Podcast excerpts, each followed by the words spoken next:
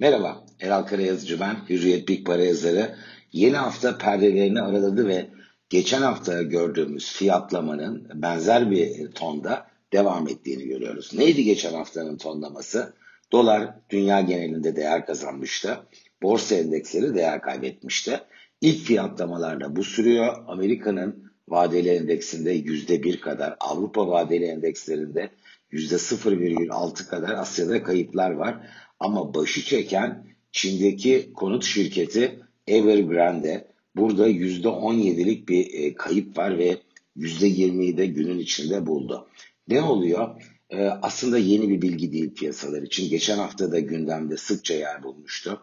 Bu şirketin e, bu hafta içinde vadesi olacak borçlarını ödeyememesi riski önemli ölçüde artmış durumda. Çarşamba ve perşembe iki taksiti var. Burada bir temerrüt riskinden bahsediliyor. E, kredi notu zaten düşürüldü bu şirketin ve onun yansımalarıyla hem Çin, e, Çin kapalı olsa da Hong Kong'da işlem gören Çin şirketleri var. Burada mali sektörde kayıplar var. Dünyanın genelini etkiliyor. Çünkü e, hemen hafızalar e, 2008 yılına geri dönüyor. O zaman da bir Lehman vakası vardı. Bir e, mortgage balonunun patlamasıyla o konut krizi dünya ekonomisine 2008 yılında bir krize sürüklemişti. Acaba böyle bir şey olur mu diye bir kaygı var. Olur mu? Hemen bunu tartışarak başlayalım. Ben beklemiyorum. Çünkü dünyada yaşanan krizlere dönüp baktığımızda ortak özelliği herhangi bir e, varlık piyasasında büyük bir balonun oluşması ve o balonun patlamasını takiben de çok derin bir krize dönüşmesi. Bu 29 buhranında hisse senedi balonuydu. Amerikan borsası üzerinden. 2008 yılında da konut balonuydu. Şu anda ben varlık piyasalarında bir balon olduğunu düşünmüyorum. Sıkça tartışılan bir konu. İşte Amerikan borsası çok yükseldi. Burada bir balon mu var? Hayır bir balon yok.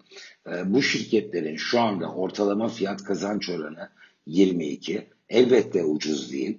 Ee, ama yıllık %4,5 civarında bir temettü verimi gibi düşünelim. Tüm karın dağıtılacağını varsayarsak. E, faizin getirisinin yüzde bir civarında olduğu diyelim o da uzun vadeli tahvillerde bir Amerika'da yüzde dört buçuk hisse senedi verimliliği, kar verimliliğinden bir balondan bahsedilemez. Bence 22 e, yüksek sayılabilecek bir fiyattır. Bunu kabul etmek lazım. Ama var olan faiz oranlarıyla çünkü o bir alternatif alan kıyaslayarak bu değerlemeyi yapmak lazım. O yüzden e, dünya genelinde zaten bir hisse senedi balonu söz konusu değil. Çok mu önemsiz bu Evergrande? Elbette önemsiz değil. Lokalize etkileri olabilir. Asya tarafında etkileri olabilir. Ama dünyada 2021 yılıyla birlikte başladığını düşündüğüm ve 4-5 yıl sürmeye aday e, büyüme döngüsünü değiştirecek, değiştirebilecek bir e, kara kuğu olduğunu ben düşünmüyorum.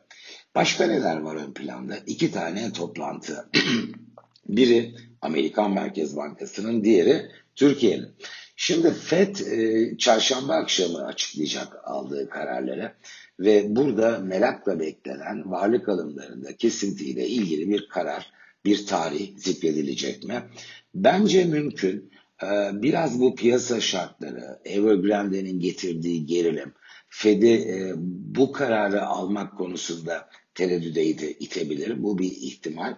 Ama pekala varlık alımlarında kesinti kararında Fed alabilir. Ben onun da e, bu Çin konut sektöründe yaşanan problemin bir global e, tehdit e, olmadığını düşüneceğini öngörüyorum. O yüzden bu çok şaşırtıcı olmaz. Peki bunun olumsuz bir etkisi olur mu? Zannetmiyorum. Aksine e, bence piyasanın e, Fed'den bir motivasyon almaya ihtiyacı var. Çünkü bizim Eylül ayında aslında ana tema gördüğümüz e, ekonominin yavaşlamasıyla ilgili fiyatlama. Bütün veriler buna işaret etti ve e, bir grup ben de onların içindeyim bunun geçici olduğunu 2022'nin ikinci çeyreğinden itibaren dünya ekonomisinin büyüme temposunu yeniden kuvvetlendireceğini düşünüyor. Bir kesimse kaygılı, acaba bir durgunluğa mı gidiliyor görüşünde. İşte Fed'in tavrını ortaya koyması ki koyacaktır. 2024 dahil Fed önümüzdeki sürece ilişkin e, projeksiyonlarını paylaşacak bu toplantıda. Bence en önemli tarafı da e, bu ve orada e, yaşanan yavaşlamanın geçici olduğunu e, ve ekonominin sağlam temeller üzerinde büyümeye devam etmesini beklediğini ben Amerikan Merkez Bankası'nın ifade edeceğini düşünüyorum. Bunun da piyasalara aslında olumlu bir etkisini görebiliriz. Türkiye'de noktalayalım. Türkiye'nin de Perşembe günü toplantısı var ve herkes merak ediyor faizi indirecek mi TCM'de? Bir kere e, şunun altını çizerek e, bu topa girmek isterim. E, Türkiye faizleri düşürürse dolar ve enflasyon yükselir. Ben bu görüşe katılmıyorum. Bu yanıltıcı bir değerlendirme.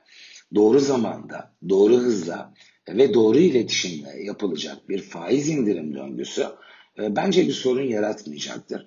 Ama bununla ilgili doğru zamanın hele de böyle gerilimle başlayan bir haftada Eylül toplantısı olduğunu düşünmüyorum. Ee, Merkez Bankası'nın da benzer bir görüşte olacağını ve bir sinyal verse de sonraki toplantılarla ilgili e, bu toplantıda bir faiz indirimine e, karar vermeyeceğini düşünüyorum. O yüzden şöyle toparlayalım. Negatif giden bir Eylül, e, yeni haftası da yine net negatif bir şekilde başladı. Ana pozitif iklimin içinde bir ara negatif dalga, ara negatif bir fiyatlama periyodu olarak bence kalmaya aday görünüyor. O yüzden özellikle de Türkiye'de hisse senedi piyasalarında gördüğümüz bu geri çekilmenin e, önemli bir alım fırsatı oluşturacağını gerek 4 ay sonra gerek 8 ay sonra hisse senedi fiyatlarının var olan değerlerin önemli ölçüde üzerinde olmaya aday göründüğünü düşünüyorum.